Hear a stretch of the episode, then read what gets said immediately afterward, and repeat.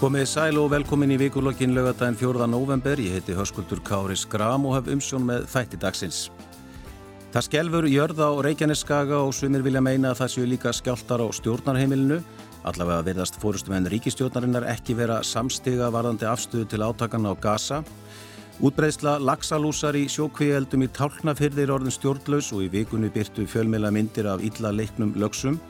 Og svo eru línur aðeins byrjar að skýrast varðandi komandi kjara viðraður.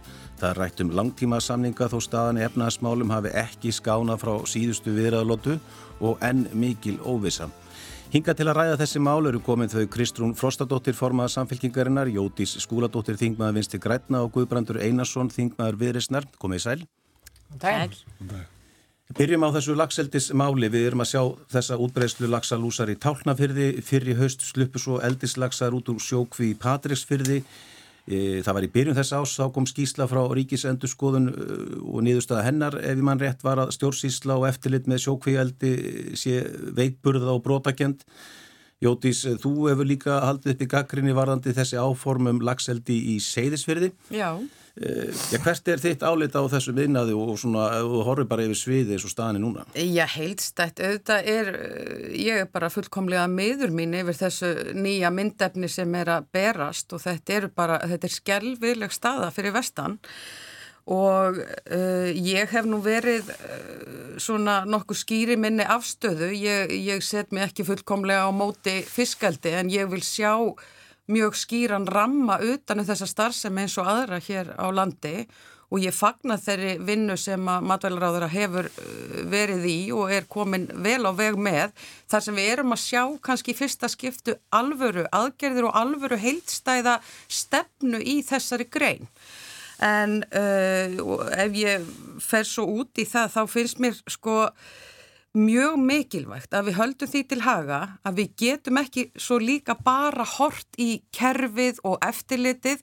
Ég hef kallað eftir því að þessi fyrirtæki af eigin frumkvæði síni ábyrð í sko hvað varðar umhverfisvernd, dýravelferð og fleira að það á ekki bara býða og ég hef tekið dæma því að sko landlæknir er ekki alltaf inn á skurstofunni meðan á, á aðgerð stendur heldur ef eitthvað fyrir úrskjæðist þá að kalla til Uh, aðstóðar en, en, en það er á, á ábyrð spítalana allt gangi vel og að fari sér eftir reglum. Og mér finnst aldrei oft bent á bara já kerfið er ómurlegt og, og, og þetta er allt stjórnlöst að uh, nú erum við að setja bara mjög skýra reglur og það verða miklar afleðingar þannig afleðingar að fyrirtæki missa leifin sko Þannig að mm. þú veist við erum á, á mjög góðri leið þar en ég endur teka ég kalla eftir meiri ábyrð eh, fyrirtækja sem eru í þessum rekstri að standa sér betur. En þú ert að kalla eftir ábyrð, þú samt erst ekki eða setur ekki á móti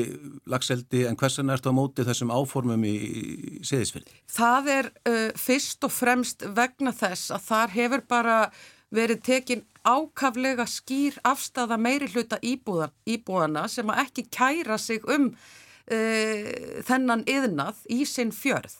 Þar hefur byggst upp í áratugi ákveðið menning, ákveðið svona uh, starfsemi í ferðarþjónustu, í, í, í skólarekstri, í ímsu uh, sem að hefur svona móta þennan bæ og við skulum átt okkur að því að þrátt fyrir uh, að það sé ekkert fiskeldi komið og þrátt fyrir að síldarvinnslan sé að loka þá hefur íbúðaverð hækkað á segðisferði það er ekki eftirspurn eftir svo mér finnst gríðarlega mikilvægt bæði er það íbúalýðræðið sem er mér mjög hugleikið en svo bara þeir meira sem ég les af þessum áformum hvað varðar siglingarleiðir, uh, flóðahættu og annað þá er þetta bara fullkomlega galin hugmynd að mínum að þetta. Kristrún, hérna... Uh, Sko, matalar á þeirra allar að koma, hefur búið þetta frumvarp sem hann mm -hmm. allar að leggja fram að mér skilst í byrju næsta árs. Já. En, en uh, þessi innar er, er búin að vera hér á landi og starfandi í allmörg ár. Hefðu ekki reglugerinn átt að koma fyrst og svo innarinn? Jú, ég held að það sé örgulega flestir sammálið um það, bara svo ég taki undir stóran hlutana að því sem Jótís var að segja hérna áðan, að, að það hefði þurft að vera stífara regluverk og meira eftirlit um þetta og e, sko með við að mista hvort það sem ég sé sem að er að vænta frá ráðherra frá Svandísi núna eftir áramu má, móti ákveðnum reglugjörðabreitingum og, og mögulega frumörpun sem komi inn þá er þarna verið að taka á mjög stórum málum. Og ég bara bind miklar vonir við það að nú ætlum ég ekki að segja þingileipi í gegn heldur að ríkistjórnin hleypi þeirri vinnu í gegn. Vegna þess að þetta eru ymmitt e, svona reglur og rammi sem hefði ótt að setja áður en var, stað, var farað að staði þessu vekkferð og mér langar að koma því líka að þessu samhengi vegna þess að ég hef nú bara heyrst í, í okkar fólki og, og svona bara eh, almennt óbreyttu óbreyttum almenningi þarna fyrir vestan þar segja ekki endur að þeir sem að er að stýra þessum fyrirtækjum og fólk er miður sín yfir þessari uppákomu. Það er miður sín yfir slappingunum það er miður sín yfir þessari stöðu sem er komin upp sem að jæðraru þetta við dýranýð og það liggur alveg fyrir ef að þetta á að vera framtíðar atvinningrein fyrir vestan þá verður verða fyrirtækin að geta starfað í því formi að það sé komið í veg fyrir dýranýð og mengun og það sé komið í veg fyrir sleppingar og ég hef verið á þeirri skoðun að það geti verið framtíð sjókvíaldi ég menna ég var á djúbavogi í gær og fór þar inn í lagsavinnsluna og maður sér hvaða áhrif það hafið á samfélagi þar þegar að útgerðafyrirtæki fóru sínum tíma frá staðnum og þetta tók við. Og fólk sem segir að það er bara loka heitli aðtunugrein strax og eitthvað annað getur tekið við það eru þetta kannski ekki alveg að horfa á raunveruleika sko, hérna venjulegs fólksatna svæðinu. En það segir sig samt sjálf að þessari grein verður sjálf hægt ef þetta heldur svona áfram trekk í trekk. Þannig að þess að bæði er þetta vant fyrir rekstruðu til þessara fyrirtækja en líka þá reynir þetta á þannþól samfélagsins. Fólk á þessum svæðum stendur frammi fyrir því að það eru Já, mjög neikvæðar tilfinningar frá fólki oft utan svæðisins, skakvært þessari starfsemi og þetta er mjög viðkvæmt mál. Þannig að nú bara reynir á og við stöndum á ákveðnum krossgötum þegar kemur þessari atvinningurinn ætlum við að gera þetta vel, ætlum þessi fyrirtæki að sína að þetta sé hægt og þetta geti skapað góða stöðu og efnaðslega uppbygging á svæðinum eða er ekki hægt að stund, standa undir eðlum starfsættum. Í hjó eftir því að þú sagðir ef þetta frumap svandísar fer út úr ríkistjórn er þetta spá því að, framsóttanflokkurinn eða sjálfstæðsflokkurinn eh, sé á móti því að það sé vera að herða reglur um þessa starfsemi? Sko ég segi þetta kannski fyrst og fremst vegna þess að núna er komið novembermánur, það er ekki margi dagar eftir að þinginu og sko það ert að tellja á, á fingurum einnar handar þau stjórnarmál sem eru komin inn í þingi. Sko við getum rætt ímislegt sem er í gangi í pólitíkin þessa daga og fólk getur oft kvartað yfir því að það sé verið að ta tala um svona eitthvað orðala, eitthvað pyrring mellir einstaklinga En partur af því er að það hefur ekkert komin eitt efnislegt inn í þingið og það er ekki vegna þess að stjórnarnanstæðan er að stoppa mál. Það er ekki að koma mál út úr ríkistjórnunni eins mikið að þau tala um að þau séu saman í þessari ríkistjórn út af málefnunum. Þá höfum ekki séð stór mál afgriðt í ríkistjórnunni. Þannig að þess að setja þann fyrirvara á, já, að boltin er að miklu leiti hjá ríkistjórninni ég held að það séum flestir flokkar í stjórnarlandstöð því getur þetta ekki tala fyrir alla sem vilja sjá þessar breytingar Guðbrandur, hérna, ég get spurti að því sama varðandi það að við séum svolítið að setja reglur og lög eftir á. Er það skynsalegt? Sko, mér langar kannski bara að byrja á því að, sko, eins og Jóttur segir, sko, mann er bregður þegar maður sér þetta. Maður er að horfa á halv jetin fisk sem hlýtur auðvitað bara líða kvalir eh, þegar það er búið að jeta helmingin á hann syndir hann halda auður í kvíunum og, og þetta er auðvitað bara algjörlega óbóðlegt og fólk hlýtur bara að velta fyrir sér eh, vil ég yfir höfu bara borða mat sem verður til á þennan nátt Uh, en, en mér langar kannski það ávist að farga þessu, þessu já, já, en, og nota sko. Lús er lús, sko, þó hún sé ekki alveg svona mikil, sko, og maður veltir líka fyrir sér, sko, hvað hver verð mengurinn af svona starfsem í þessum fjörðum bara til framtíðar ef við ætlum að leifa þessari starfsem að vera til staðar í einhver ár sko? Hvaða ég get ekki sagt til um það ég er bara veldið því samt fyrir mér. Hver, hver staða fjörðana verður eftir, eftir svona starfsemi? En mér langar, mér langar líka að nefna sko mér finnst þetta að vera svona hálfgett glópagull eins og við sjáum svo oft svona í íslensku efnaðarslífi við ætlum að retta öllum hlutum með einhver svona hókus-pókus aðferðum. Við þekkjum öll alverinn og kísilverinn og allt þetta sem á að bjarga öllu og ég skil auðvitað bara vestfyrringa að vilja halda upp í byggð og vera með örga atvinnustar en við þurfum einhvern veginn að nálgast þetta á annan háttaldur við höfum gert. Ekki að hleypa hlutunum á stað eins og þú segir hér án eftirlits, án þess að vera búin að undirbyggja hvernig við ætlum að hafa þetta og við erum bara alltaf í þessu og þá bara, þarfum við líka bara að horfa á tekjustofn og sveitafélag til framtíðar eða saminningu sveitafélag þurfa sveitafélag að vera sterkar við getum auðvitað að fagna saminningu sem átti sér staðan daginn í taknafyrir mm. einmitt, eh, kannski til þess að styrkja sveitafélag, sveitafélagin þurfa að styrkjast til þess að stórir aðilar fjársterkir aðilar get ekki bara stjórnað þeirri starfsemi sem á eiga sér stað á hverjum stað fyrir sig þannig ég held að það sé líka stórt mál til þess að ræða til framtíðar Já Hérna ef ég má aðeins skrýpa boltan þá hérna að því ég þekki nú vel til á djúbavogi og svo sannarlega hefur fiskaldið á djúbavogi verið mikil sko lífgjöf fyrir það samfélag eftir að, að, að útgerðin fór. En ef við horfum svo inn í framtíðina og þá tek ég undir með Guðbrandi að ef við ætlum að setja öll ekkin í þessa körfu, uh, hérna útgerðin fór, þannig að við fengum lagseldið og við ætlum að setja allt í það, svo koma bara áföll og tímatni mm -hmm. breytast og við sjáum það í Noregi og víðar að sko þólið er bara ákveði langt mm -hmm. í þessu, þessum yðnaði hvað gerist þá? Þá held ég að við þurfum ekki að spyrja leikslokum, það er ekki uh, erlendir fjárfestar að fara að spyrja því, býtu, heyrðu, nú ætlum við að fara að hætta, við ætlum að útöða hérna önnur störf, þeir bara fara og þannig virkar uh, stórkapitalið. Þannig að ég bara legg áherslu á það að ábyrð fyrirtækjana, hvað varðar byggðafestu, hvað varðar uh, umhverjusvend og dýravelferð og þetta, hún þarf að vera miklu meira frumkvæði og uh, við þurfum líka að koma því þannig fyrir að arðurinn af þessari grein sem að samtök fyrirtæki sjávarútvegi vilja tala um eitthvað svona nýsköpun og sprota og eitthvað, þetta eru norsk fyrirtæki sem búin að rekst í hvað 40-50 ár. Ég, svona, ok, það, það er allt í lagi að gefa eitthvað svigur úr fyrstu tvö árin meðan að vera þeirra fjárfesta og byggja upp en við erum sko miða við hagnað og arðgreðslur þá eh, þurfum við ekkert að tippla neitt í kringum þessi fyrirtæki. Þau eiga bara full vel að geta skilað bara ríkulega inn í eh, okkar sameigilegu sjóði af því að þau eru líka að nota eh, ef við bara horfum á þungaflutninga í kringum lagseldi á þjóðvegu landsins þá eru þeir gríðarleir. Þannig að þetta er nú svona eitthvað sem ég vildi koma að og svo langaði mér nú bara að segja Kristrúnu að ég sitt nú þingflagsfundi í hverju viku og afgreð út stjórnarmál, þannig að það er nú ekki eins og það sé ekkert að gerast og ekkert komið út en ég vildi nú bara svona koma því aðeins að Já, já, já, já við erum nú kannski bara að tala um svona mál sem eru raunverulega að reyfa við stóru þáttunum þessa dagana.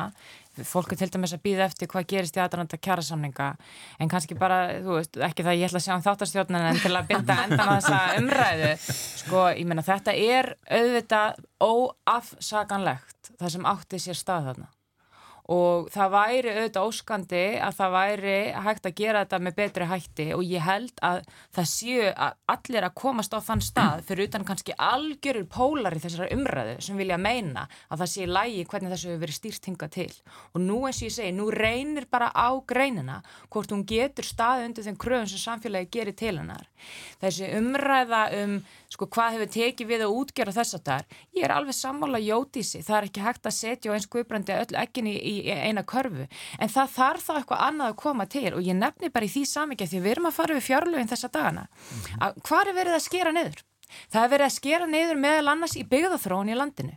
Þessir í rauninu litlu peningar sem er að fara í atvinnu sköpun að, eða svona atvinnu ráðgjöð á svæðinu sem er að fara í, í að stiði við byggðarlegin beint í gegnum, gegnum byggðarstofnum. Það er verið að skera neyður þessa litlu peninga sem er að fara frá ríkinu til þess að hjálpa fólki að fóta sig á öðrum fórsöndum. Þannig að punkturum minn er þessi að það er ekki hægt að gera kröfu um að fólk finni eitthvað annað ef að það kemur þá ekki einhvers konar stuðningur á móti og stjórnveld verða þá að sína vilja í verki að hjálpa þessum byggðum að komast að stað með önnur verkefni. Og, og í millitíni er ekkert óeðlilegt við að fólk á þessum svæðum auðvitað óttist það að hlutunir munu nigna aftur Þess vegna er þetta óþægileg staði sem margir eru í og upplifa sig í. Við verðum bara að, að hérna, tryggja það að rammin verði sterkur í kringum þetta. Það munu ekki stranda á samfélkingun og við þurfum bara að fylgjast vel með þessu máli í framhaldinu hvort að, að greinin geti starfað undir þessum forsöndum og um það held ég mun umræðin snúast á næstu mánu. En förum ég annað því þú ert að kalla eftir því að eh, við svona kannski færum okkur yfir í, í annað umræðefni en, en eh, sko það er út af þessu með, með Gassa, eh, þingflósformaður samfélkingarna Lói Einarsson, hann sendi fyrir hönd annara stjórnaranstöðuflokka beðni til fósetta alþingis í vikunni um sérstakann ja, þingfund til þess að mhm. ræða utaríkistefnu Íslands Þetta er náttúrulega tilkomið vegna þessar uppákomu sem átti sér stað þarna í kringum atkvæðagreisluna eh, hjá saminuðu þjóðunum þegar Ísland satt hjá í atkvæðagreislum tillugum vopnallið og, og það var svolítið skrítið að hlusta á annars vegar formann fórstisráþurra og hins vegar eh, utaríkisráþurra í, í svona hvernig, hvernig þetta mál kom til og hvernig þetta þróaðist, lág ekki alveg almennilega fyrir hvort og hvenar fósætisráð þeirra fekk upplýsingar um þessa afstöðu Íslands og, og, og svona leit út fyrir að, að stjórnvöld já, séu bara alls ekkit samstíga í, í þessu máli. Svo ég beini bara kannski spurningu, fyrstu spurningu að þér, mm -hmm. Kristrún, hérna, hvernig hefðu þið í samfélkingunni greitt atkvæði hjá saminuðu þjóðunum?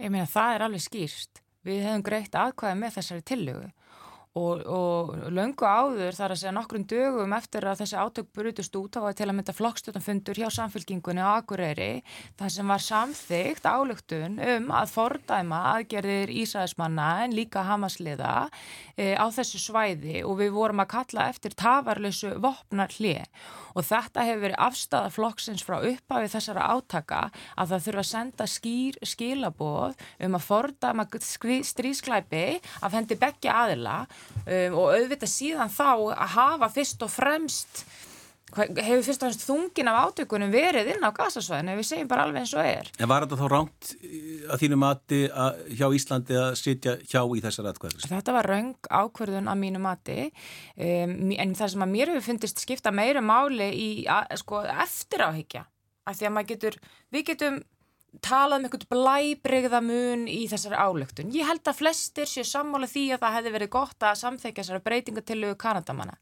En við þurfum bara að velta fyrir, því, fyrir okkur fyrir því hvert er hlutverk Íslands á alþjóðavísu. Menna, hvert er okkar hlutverk? Við erum í þessu varnabandalagi en við erum að, að mista kosti að því, því sem ég taldi auðvitaðrikistafni Íslands felast í að tala fyrst og fremst fyrir friðsamlegum lausnum innan þessa varnabandalags og utan þess og það sem að, að sko, fólk á þessu svæði þarf núna það eru skilabóð frá alþjóðsamfélaginu að það eigi að tala fyrir friðsamleiri lausn. Bara svo við tökum það alveg til hliðar, sko, hvernig við röðum orðum upp í ykkur skonar álöktun. Eh, við stöndum frammi fyrir því að horfa þarna svæði þar sem að þú ert með stjórnvel til að mynda Ísrael, en það kannski auðga fylgstu hérna, stjórn sem hefur setið þarna í ára tugi og endur spekla ekki þorra þjóðarinnar.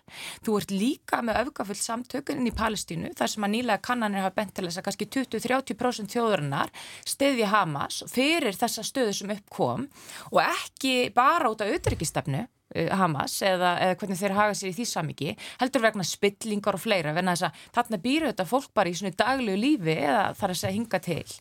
Uh, og, og fólk er fyrst og fremst að kalla eftir því að það stýji einhver inn og knýji fram friðsamlega laust og þess vegna á þetta Ísland að vera í fara brotti í allir þeirri umræðu og ekki vera að festa sig í ákveði orðalag þó að það sé hægt að gera aðtöðsendu veitt og eitt orð. En mér langar kannski líka að koma inn á bara viðbröðun eftir á. Af því að við getum, eins og ég segi, rætt um intak þessara, þessara orða.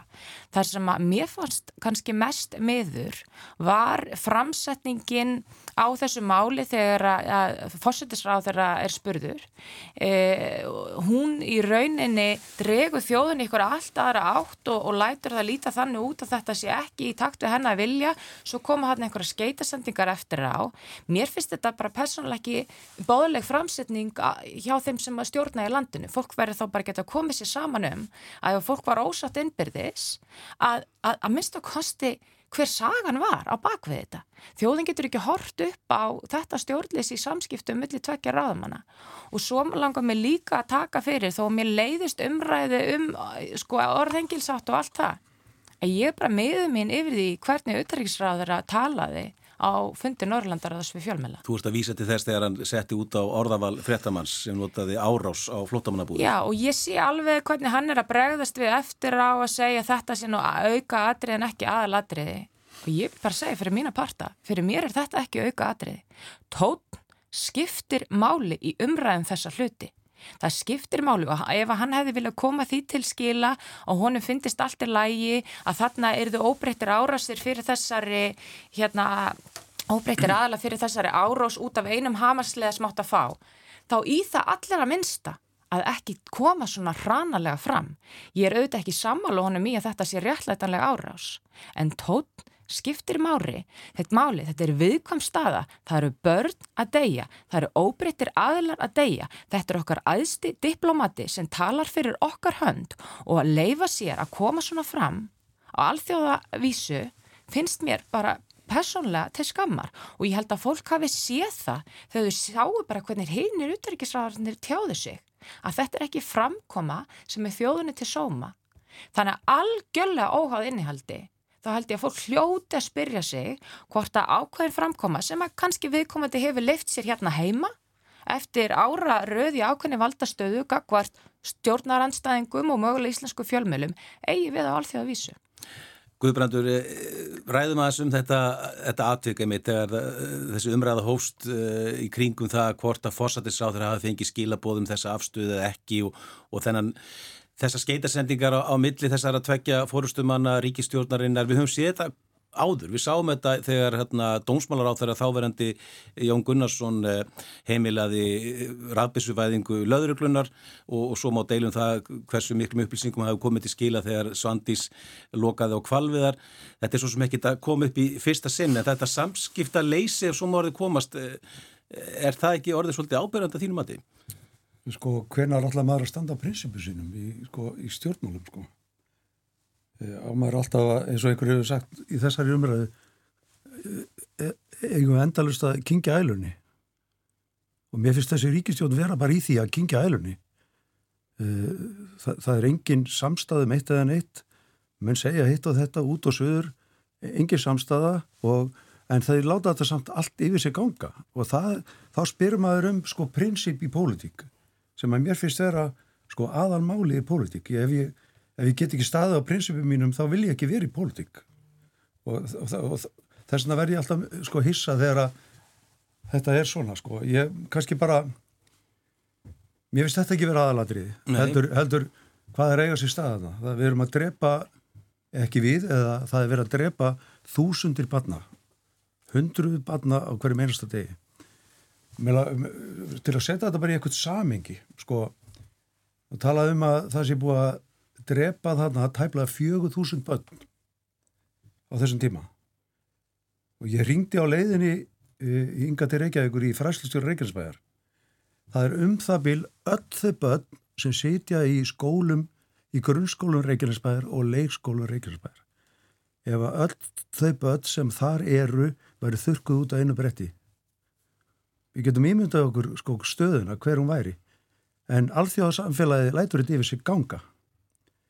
Og, og við erum ekki að stoppa og við auðvitað eigum við að gera eins og normenn gerðu að, að hérna samþykja vopnarlega að því að við viljum ekki halda fram að drepa börn. Það er bara undir engum kringustæðum allum við að halda fram að drepa börn. Hvort að við séum að tala um mann og að liða eða eitthvað annað. Við eigum skilurislaust að hérna, standa í lappirnar og segja að við tökum ekki þátt í því að drepa börn. Alþjóðan samfélagi verður að stoppa þetta. Ísland hefur nú oft samt fyllt eh, líkt þekkjandi þjóðum eh, svona í svona atkvæðagreist Já, sko, Ísland og, og Noregu var eina, eh, nor, eina Norðurlandi sem að ég vildi að, vild að Ísland hefði gert og Norður ég vildi óska þess að Ísland hefði gert og Norður það voru fleiri lönd en Norður sem, sem samtitt þetta, Frakland Spott, Belgia svo einhvers ég nefnd. Mm -hmm. þannig að það eru fleiri lönd heldur en bara Norður sem samtidig við þurfum, sko mér langar aðeins að fara tilbaka vegna þess að inn á, inn á Facebook hefur maður geta lesið um grein sem að fósittisraðra núverandi skrifaði árið 2014 um, og fyrirsögnu var eitthvað þá leið hvernig slítu við stjórnmálarsambandi og þá var staðan þannig að það var búið að drepa nokkur hundruð einstaklingar nýri á Gaza eða í Palestínu. Nú er búið að drepa fleiri þúsund og ég heyr ekki að fórsettisráðar sé núna velta fyrir sér hvenar ætlum að slíta stjórnarnarsambandi. Ég vil gaggrina harlega Hamas, áhver átti Hamas von ég skjóta inn, inn, inn í Ísrael og drepa þar fleiri hundru manns. Áttur ekki vona, ég átti allavega að vona því þegar, að, þegar þeir gera þetta að, Ísa, að eitt stærsta herveldi heimsins myndi grýpa til sko verulega hernaðar að gera framhaldinu. Þannig að auðvitað eigum við að, að fordaðum að aðgerir Hamas en við getum aldrei stutt það að Ísrael uh, fari inn með þessum hætti og, og, og drepi þarna fleiri þúsund manns. Maður spyrum sko auga fyrir auga og tönn fyrir tönn. Þetta er miklu meira heldur en það. Þetta er ekki bara auga fyrir auga og tönn fyrir tönn.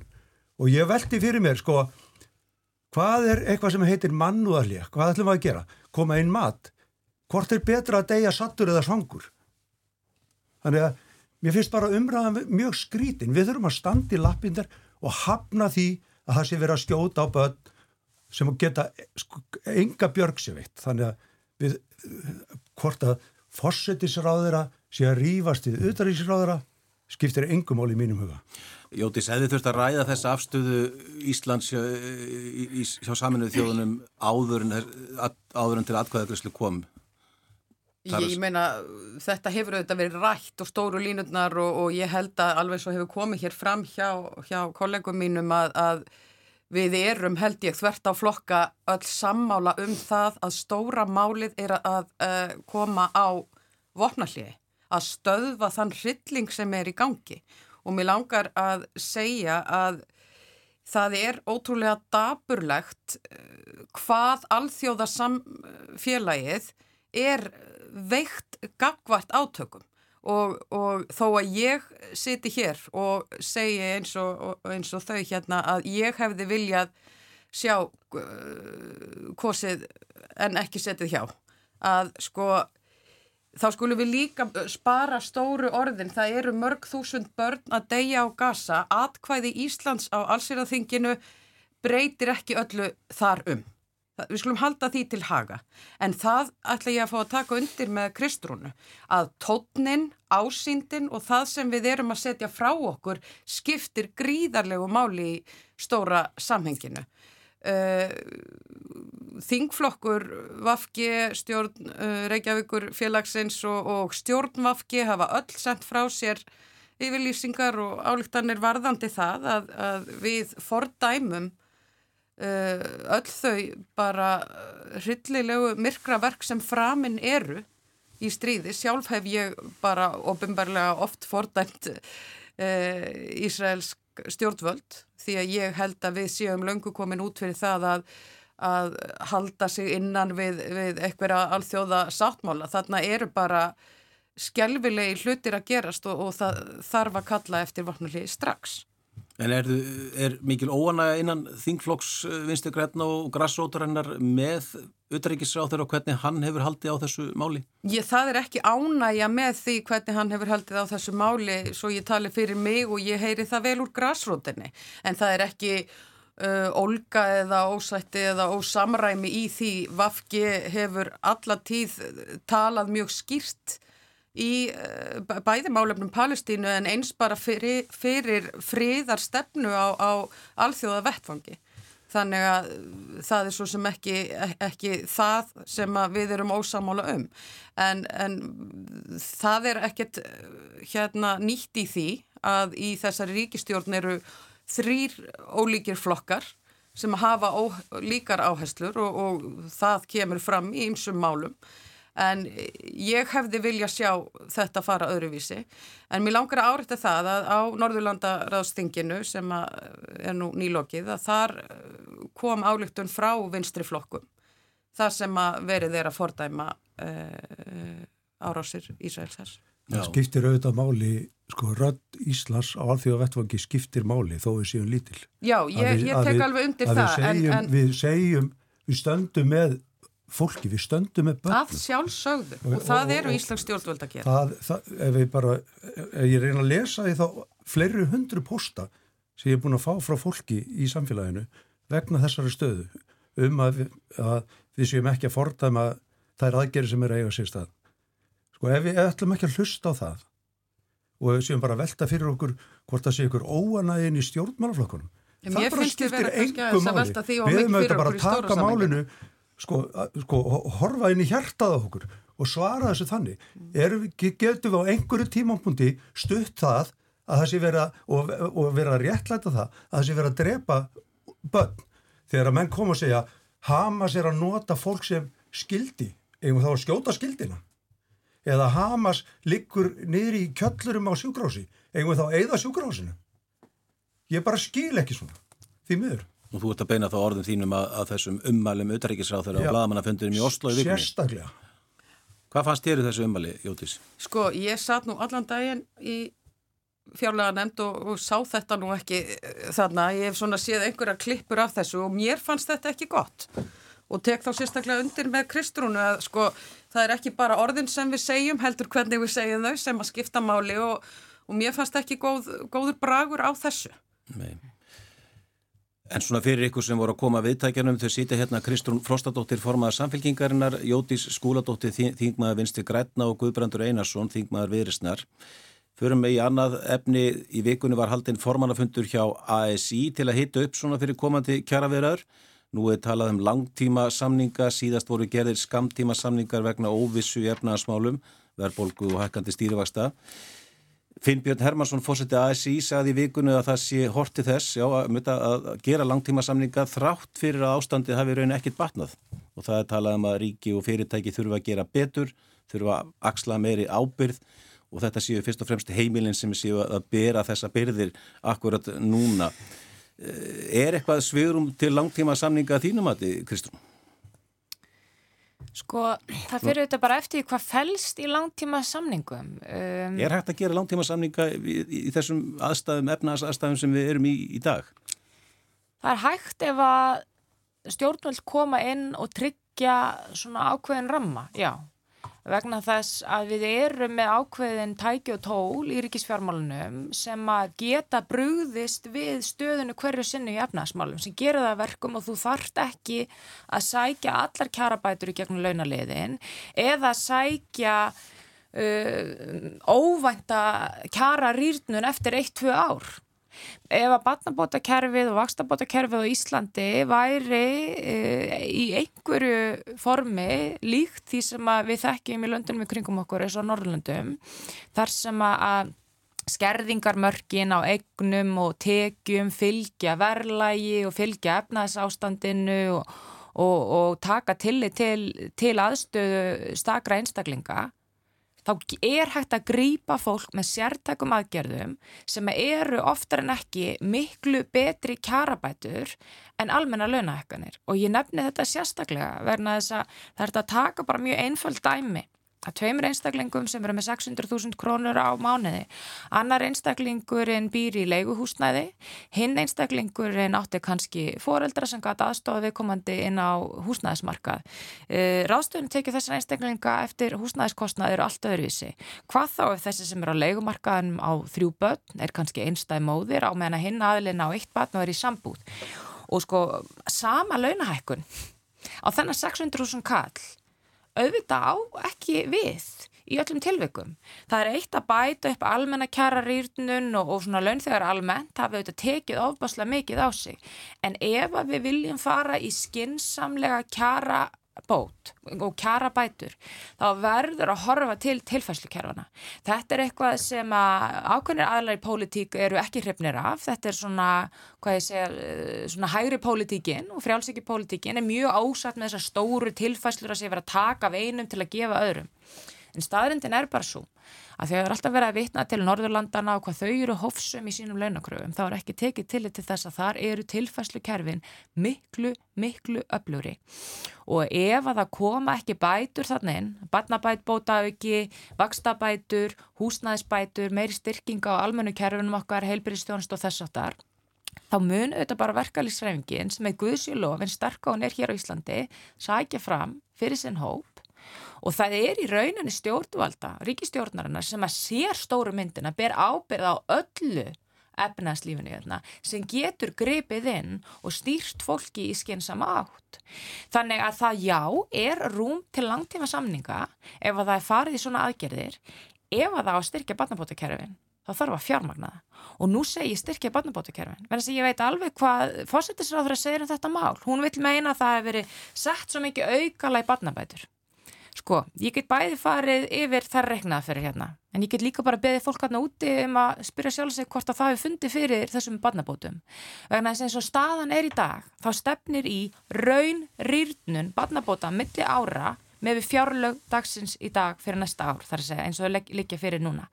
Um, og þetta eru uppæðir sem eru engu samræmi við þekki, það sem er þekkist í löndunum í kringum okkur sem hlutvalla haggjörn í heilsinni stefnir í að barnabætur hafi aldrei verið lagri og sama má segja um vakstabætur þetta er í kringum 2 miljardar ári sem að ríkja er að greiða út. Þetta er sögulegt lámark í raun þó þetta sé að hafi verið mikil verðbólk á þessu tímbili og ég hef sagt að við að ég er ekkert hrifin að vakstabótum per se sem stjórntæki verna þess að þetta eru auðvitað niðugreisla af vöxtum til bankana fyrst og fremst. En það er ekki hægt að segja fólki bara að halda í sér og þrauka eh, á meðan að það á að byggja einhvers konar félagslegt húsnæði sem kemst aldrei almenna stað.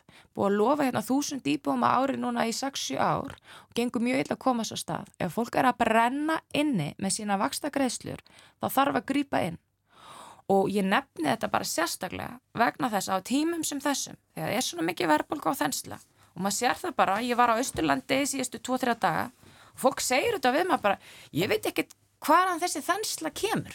Þetta er fólk sem upplifir enga þenslu á sínu svæði hvorki í sínum almennu útgjöldum auðvitaðlandsferðum með hvað svo sem það er. En vaksta hækkanir bitna jæmt á öllu og þá óháð stjætt og stöðu starf fyrirtækja á meðan að sértakar tekju aðgeri sem beina staði að hækka fjármastekju skatt, mögulega líta til arsemi risastóra fyrirtæki á landinu, fara í ákveðin svona tekju auka, þær fara á þann stað sem þenslan er. Þannig að staðan uppi núna varandi langtíma samlingi kjæra samlingnum er algjörlega í fangina pólitíkinni. Ég veit að þau vilja þetta ekki og þau segist að þetta ekki vera grunnurinn en þau hafa komið sér í þessa stöðu. Ef við kemast nú líka aðeins að við Guðbrandur svona til að Já, hérna- ég fann nú nægu tími 20 mínutir hérna. eftir. Það var nú eftir að ræðist Það ljótið sér að komast að, já. Já, ég ætla sko að byrja því að segja að mér finnst ofsalega jákvægt að sjá uh, hérna hvað sko Uh, fóristan er að koma sagt, samtaka eftir þennan fund og, og hérna og ég held að það sé gríðarlega mikilvægt inn í kjara viðræður að, að það sé svona heilstæði sína á, á, á markmiðin og uh, það tel ég vera mjög jákvæmt. Ég ætla að fá að taka undir með Kristrúnu varðandi húsnæðismálin að uh, eins og við bara vitum öll að þá er það hvort að verður þessi prósendutala eða þessi krónutala sem að launa umslægið breytist um á mánuði. Það skiptir ekki öllum máli fyrir einstaklinga sem er að borga alltaf og jáfnvel yfir 60% að tekjum sínum í húsnæðiskostnað. Þannig að við erum nú með frumvarp í til meðferðar núna og, og ég ætla nú, þú veist, það er alltaf að kasta fram hérna, já, alltaf að tala um þúsund íbúr og gerist ekki neitt, auðvitað gerist alveg hellingur. Það er verið að byggja og byggja og byggja. Þarf það að gera straðar? Já. Þurfum við að gera betur? Já. En ég held að sko húsnæðisöryggi er gríðarlega mikið og stórt uh, velferðamál og sem sagt eitt stærsta kjara málið og þess vegna er ég bara mjög ánað með það sem að nú líkur fyrir þinginu að við tökum eins og Kristrún er að vísa í að við náum svolítið heilstætt utan um svona þessar, þessar uppbætur eins og, eins og í, í húsnaði styrkjum og öðru og að, að það verði samrýmt að því nú eru sveitafélagin með hluta á sínum herðum og, og vinna það ólíkt eftir sveitafélagum að, að við sjáum einhvers konar samleg því að við þurfum þarna að að gera bara gangskurki í því að, að, að bæta stöðu á húsnæðismarkaði. Þetta er samt sem að sko þegar erum að tala um einhverju launahækkanir í kjara samningum uh, 5-10% eða, eða krónutölu skiptir einhver málu því svo daginn eftir kemur selabankin og hækka stýrivextu um 0,5 punta eða eitthvað svoleiðis og, og þessi launahækkun hún guðvar upp eitt fyrir því? Ég sko, við skulum, ég ætla ekki að gera lítið úr því að hér er gríðarlega háverðbólka og stýrivextir En við skulum líka átt okkur á því að, að, að ég á nú ættingja sem komnur er yfir sjötugt og, og segja kallið þetta stýrivexti. þeir, þeir fóru nú aldrei undir tökjartölur hérna einu sinni. Þannig að góðu fréttinar eru þær að við sjáum merki þess að verðbólgan er á niðurleið og hér voru stýrivextir ekki hækkaðir síðast og ég er nú bjart sinn kona og ég held að aðgerðir séu að virka, þær taka langan tíma og þær eru ekki, við breytum ekki ferlinu með einhverju einu heldur er þetta verkefni sem við erum í öll saman og þá vísa ég líka til sveitafélagi, ég hef miklar áökjur af því að sjá til dæmis uh, sveitafélagi eins og Akureyri horfa til þess að, að hækka sína hérna gjaldskildu um, um fleiri prósent. Ég hef ágjörð því og ég held að við þurfum að horfa á, á, á svona stærri og fjölbreyttari lausnir en ég er bjart sín og gerir ráð fyrir því að við förum að sjá hér á vormánuðum uh, talsverðarbreytingu á, á umhverfinu og þetta er erfitt, er, ég ætla ekki að sita hér og segja hér er allt í standi og allir hafa efnaði að fara til tenni og eitthvað, ég, ég bara er meira raunveruleika tengt en svo.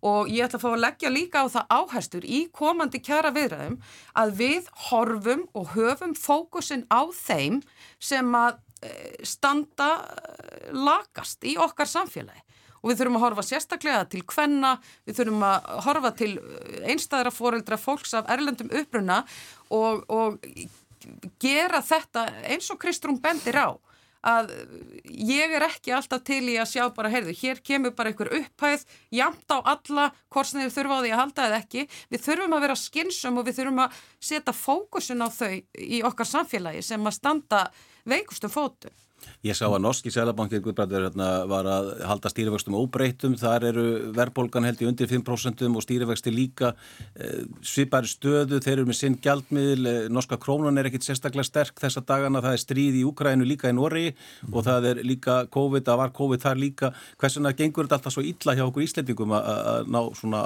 að draga og hemja verðbólguna? Já, það er að því að við erum bara með örmynd hérna sem að stjórnar öllu. Gitt flókið, en mér langar kannski bara að því að ég er af nú verið mónulokar um kæramála og aðeins að. Aðeins að tjá mig um það. Hafandi starfaðina verðlarsreifingarinn er rúma tvo ára til. Já, það er hægt að gera langtíma samninga og langtíma samningar hafa yfirleitt alltaf verið gerðið á Íslandi. En er, skynsam, er það skynsamlegt eh, í svona aðstöðu? Það er alveg hægt að gera langtíma samninga með rauðum strykum. Þannig hefur oftast verið gert. Og hef, hafa þau einhvern tíma verið virkið? Já, já, já. Þau hafa verið virkið og það hafa verið sóttir fjármunir inn í kjærasamninga í gegnum rauð stryk. Ekki bara einu sinni heldur, heldur oftar. Eh, en kannski að maður langar að bara byrja, sko, núna er söngurinn byrjaður. Eh, það má ekki hækka laun. Það er ekki svirun til að hækka laun. En á sama tíma, sko, koma ráðherrar hver á fættur öðrum og segir verðbólkstafara þegar svo mikill hagustur. En hvað þýðir hagustur? Þýðir það ekki að hagur er að batna? Og hver, hverra hagur er þá að batna? Mm -hmm. Á þá ekki að sækja hagustinn til þeirra sem að hér er verið að nefna sem að laga standa í þessu samfélagi. Þannig að maður veldur þessu fyrir sér. Sko, svo segja, svo er sagt, já, hérna, við erum að hækka laun hér miklu meira heldur en annar staðar. En af hverju? Eh, ef við bara horfum aftur tilbaka til hrunnsins þegar að kaupmáttur launa var helmingar í hruninu á Íslandi en hann var ekki helmingar annar staðar. Þannig að það tók verkefælsveifinguna allavega heilan árantug að sækja þann kaupmátt sem til staðar var fyrir hrun. Og það, og það, það kannski loksist núna uh, frá árið 2020 sem að við erum farin að sækja nýjan aukinn kaupmátt. Þannig að Jú, það er búið að hækka laun umfram annar staðar en það er bara vegna þess að við þurftum að ná þeim kaupmættir tilbaka sem við höfðum áður. En svo, sko, þurfum við líka bara að spyrja okkur hver, hver, hver, sko, hvað græðum við, hvernig græðum við mest á því að semja? Er það með því að læka vexti? Já, ég held að það sé, var í besta, mesta kaupmáttarhundingin ef við getum læka vexti. Fyrir fólk sem er í skuldamikið og ef við getum læka vexti, bara um 2% bara hugsa ykkur, fólk sem að skuldar 50-60 miljónir, ef að vextir mm. myndur lækka um 2% þetta er, þetta er þú mesta kjarabót sem fólk getur fengið. Og svo langar mér líka að nefna að sko eins og Kristrún segir hér kaupmáttur ekki bara fengið með launabreitingum það skiptir máli hvað þú getur versla fyrir það sem þú ert með í, í veskinniðinu það, er, það hlýtur að skipta máli. Og, og þess vegna sko, ég horfi mikið tilbaka í átta þjóðasáttarsamlingum sko að því að verðbólka er bara mannana verk. Mm -hmm. ef að við hækkum þá eikst verðbólka en ef við hækkum ekki þá eikst ekki verðbólka og það auðvitað þyrrt að verða einhvers konar samfélagsáttmáli núna að menn sér ekki að nýta sér aðstæður og hækka og hækka hækka Eða menn þurfa að setja sig við það kannski að, að, að, að það verði aðeins öllítið minni hagnaður af rekstri eitthvað fyrirtækis þetta árið heldur niður? Gæti verið að fyrirtæki myndur taka það á sig og, og, og að launþegar myndur þá skoða það. En er eitthvað líkluður til að taka það á sig? Ég, ég spyr, þá hlýtti ég að spyrja, viljum við hafa þetta ástand viðvarandi? Það hlýtur að vera stóra spurningin, ætlum við alltaf að vera eldast í skotti á okkur eins og við erum búin að vera að gera núna undanfærin ár og hefum kannski verið að gera frá því við tókum upp þessa mynd fyrir 110 árum síðan. Þannig að við getum það ef við förum í einhverja saman í þetta, það hefur verið gert áður. Það, það, það kostaði sko átök þegar þjóðarsáttin var gerð en ég held að núna þurfi að gera einhvers konar þjóðarsátt og sveitafjölögin eins og hér er verið að nefna þau með ekki þetta ríða undan og fara að hækka langt umfram það sem eðlert getur talist í því árferði sem er núna, þau verður að sína bara gott fordæmi. Krónutulegu breytingin í, sko, ég ætla að rosa ríkistjóðunni fyrir það að þau dróðu tilbaka eh, það sem þið gerði fyrra mm -hmm. heldur fóru bara í 2,5% krónutulegu breytingu inn í, í fjárlöfunarfinu eða fjárlöfunum og, og alþýkismenn fengur 2,5% launabreitingu verðbókumarkmið Sælabankars er 2,5% ef enginn myndi hækka meirinn 2,5% og gengi verið stöðut, þá er þetta bara verðbóku 2,5%. Þetta er ekkit flókið, en við verðum þá að ákveða. Það, þannig þurfum við bara að gera þetta.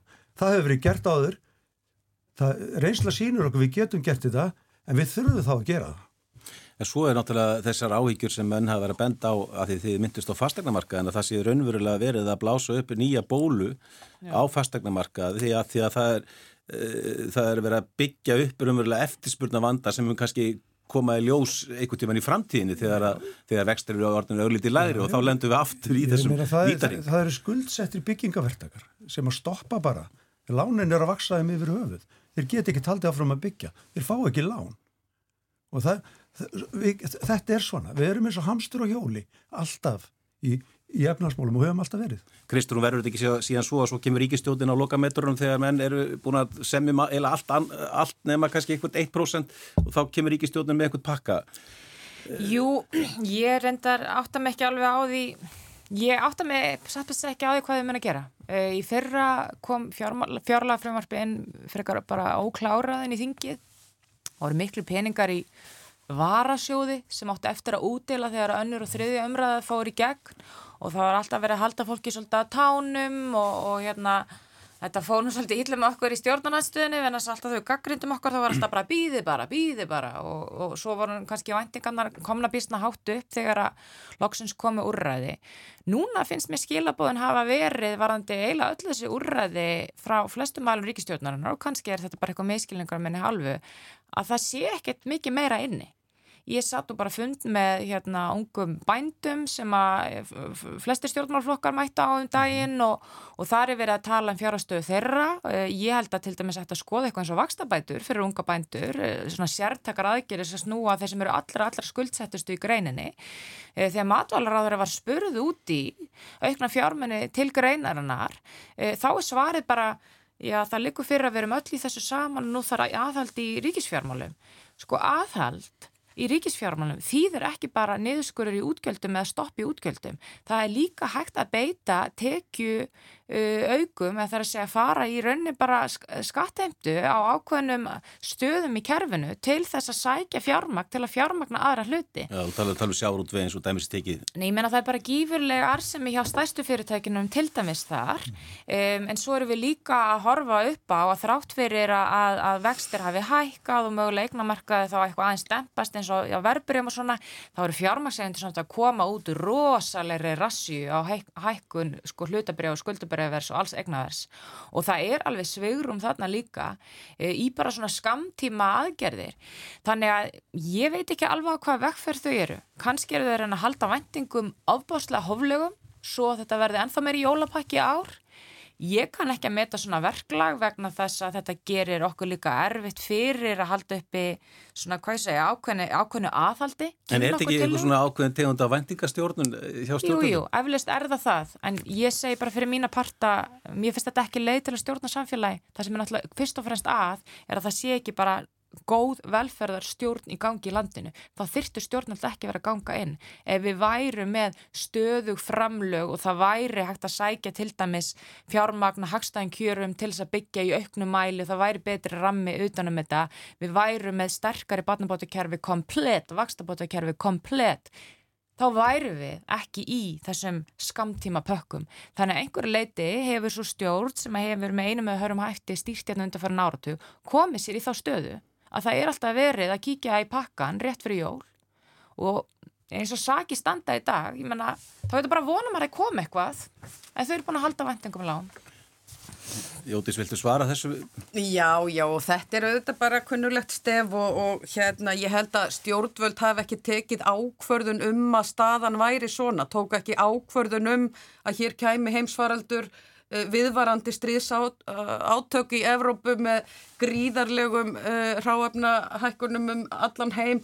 Það er ekki eins og það sé einhver sérstök uh, óæðileg staða á Íslandi nema það sem, að, það sem að Guðbrandur bendir á með, með Evruna sem leysir að hans mati allan vanda. Ég er ekki sammála því. Ég held að hér, sko, við sjáum það og ég ítrekka það sem ég sagði hérna áðan. Uh, ég sé þess merki að verðbalgan er á neyðurleið og, og þá meira en víða annar staðar. Við getum alltaf fundið eitthvert ríki í heiminum sem að er að gera betur og sem býr það hugsanlega við allt aðrar fórsendur. Og mér langar til dæmis... Við að við Tyrkland, eða þar er meiri verðbalgaldur í okkur? Nei, mér langar ekki með um Tyrkland, en, en mér langar líka að segja að þú lefur mér að klára. Já, mér langar til dæmis að benda á, á stöðu hérna á vinnumarkað, því að hér er svona svart sínis uh, spá fyrir þessa kjærasamninga. Ég ætla bara að minna á það að þessi ríkistjórn sem núna situr Uh, að hún hefur hér lent góðum kjærasamningum, lífskjærasamningunum og fleiru sem að hafa skipt gríðarlegu máli inn í uh, líf uh, þjóðarinnar. Við höfum náð miklum árangri eftir að því að sko fólk eru þreytt að maður að rifja upp heimsvaraldur og, og stríðsástand en það breytir ekki stöðunni að þetta eru mjög uh, sérstakir tímar og sérstakar aðstæður En ástæðið verðist Ísland... alltaf að vera verra hér heldur en í, í nákvæmlega Ég, ég er nú bara ekki alveg sammála því að það sé Hvað segir þau? Það sem ég var að benda á til að mynda með Norska Sælabanka það er eins og við séum að takja okkur lengri tíma að glíma við verðbólguna stýrivextir hér eru miklu herri heldur en í löndunum í kringum okkur og, og maður skilur ekki sko, akkur er þetta alltaf svona erfitt ár eftir ár, þetta likur við, þetta gerist reglulega á 5-7 ára fresti mm -hmm. að við þurfum að glíma við háa verðbólgu og í kjölfari koma stýrivextir og, og fólk hefur ekkert lengur millir handana þegar búið að greiða fastegna göldin, eða reikningarna segi. Já, ég held að sé nú kannski ekki alveg raunhæft til dæmis að bera Íslenskt og Nost efnaðaskerfi saman, þar sem að fórsendunar eru talsvert ólíkar, en ég veit að við höfum verið að mörguleiti sammála um ímislegt sem betur má fara. Við sjáum ákveðnar atvinnugreinar stækka ótrúlega hratt og mikið sem býr til þennslu en skapar að samaskapi endilega ekki mjög mikinn arðin í samfélagi. Þannig að ég tek alveg undir það að við þurfum á hverjum tíma alltaf að vera að horfa fram á veginn að, að sjá lengri framtíð. Ég að sé fórsendur fyrir langtíma samningum og ég er bjart sínum að þeir náist og ítreka bara það sem ég sagði hérna áðan að við þurfum að gera þetta öll saman og við þurfum að horfa til þeirra sem að lakast standa í samfélaginu. Svo þetta á að snúast um það. Því við erum að vera búið með tíman eh, Guðbrandur með nokkar aðeins að svona þá ætla búin að vera, búin að vera skjáltar hérna í gangi á Reykjaneskaga þú býrð í Keflavíka það ekki? Jú. Hefur þú fundið fyrir þessum skjáltum? Já, já, fyrir nóttu á Svaðmaður lítið og uh, allir svona skjáltar umfram fjóra finnist allvíða á söðunusum, þannig að ég held að skjáltinni fyrir nótt upp á 4.2 hafi svona vakið nánast okkur öll á, á söðunum sko. Já, já. en ég um, samú mín er auðvitað bara hjá grindvikingu sem að sita í raun og veru bara að vona þessu Já. og það er, það er auðvitað það alvarlega þessu þeir, þeir fá bara enga frið en, en það sem að kannski sko, mér langar ekki að vera sko, svarsi endilega en, en það er bara mikil óviss akkurat núna og Einar Sveinbjörnsson skrifaði sko aðeinslæra fæslu á, á, á Facebook núna í fyrra dag að því að við höfum nú verið með þessi fínu fallegu túristagós undarfarið en við, það er annað landslag þarna. H.S. Orka er þarna og, og hún er að sækja, hún er með borhólur og sækja hitan í jarsjónum er, og kvikan núna er undir jarsjónum hvað gerist þegar kvikan kemur upp í jarsjóin verður þá fínt túristagós eða verður hreinlega sprengikós Það hefur sko bara vona að það verði bara túristakós Eða það, sko, við vit, það, reynslan segir okkur það að þegar að þegar gós fyrir gegnum sjó, þá verður sprengigós þegar gós fyrir gegnum jökla eða vatn, þá verður sprengigós og þess, það er mikil óvisa í því eins og Einar Sveinbjörnsson er að benda á að við, við erum að græða á þessum jarsjó, við erum að hitta húsin okkar á honum en ef að kvika kemur upp í vatn, þá getur það valdið allt annars konar gósi heldur en verið hefur á Reykjavíkskafanum núna undanfærið, þannig að við þurfum að, við þurfum að vera öllu búin. Við skulum vona að þessir spátumar rætist ekki en er svona að lokum, Jótís, hvað er framundan hjá þér um helgina? Ég er nú að leiði í sjö ára ámæli hjá góðum vinnum mínum, honum Róberti, en mér langaði að nota mínar mínútur til að segja hugur minn er hjá íbúum á Reykjanesi, skjálfveili stað. Já, já, Kristrún. Já, ég ætlaði bara að vera með fjölskyldunum minn í dag. Svo er ég að fara að hitta vinnuhóp, eða stýruhóp, samfélkingar um matun og samgöngur á morgun. Þannig að við erum að fara að staði í svona nýjan fasi í málmstarinu, en annars verð ég nú bara heima með mínu fólki. Guðbrandur. Já, ég er nú svona sofa íþróttamaður, þannig að ég ætla að leggast upp í sofa og horfa á, fókbalta, kannski mestmægnis um helgina, en vonandi get ég orðið að gagna líka við að sinna litlum afastrákur sem aður búin að vera lastnir um helgina, þannig að það verður svona verkefni helgarinnar. Gott að heyra Jótís, Guðbrandur og Kristrún, takk hjá það fyrir komuna í vikulokkin, við látum þessu lokið, verði sæl.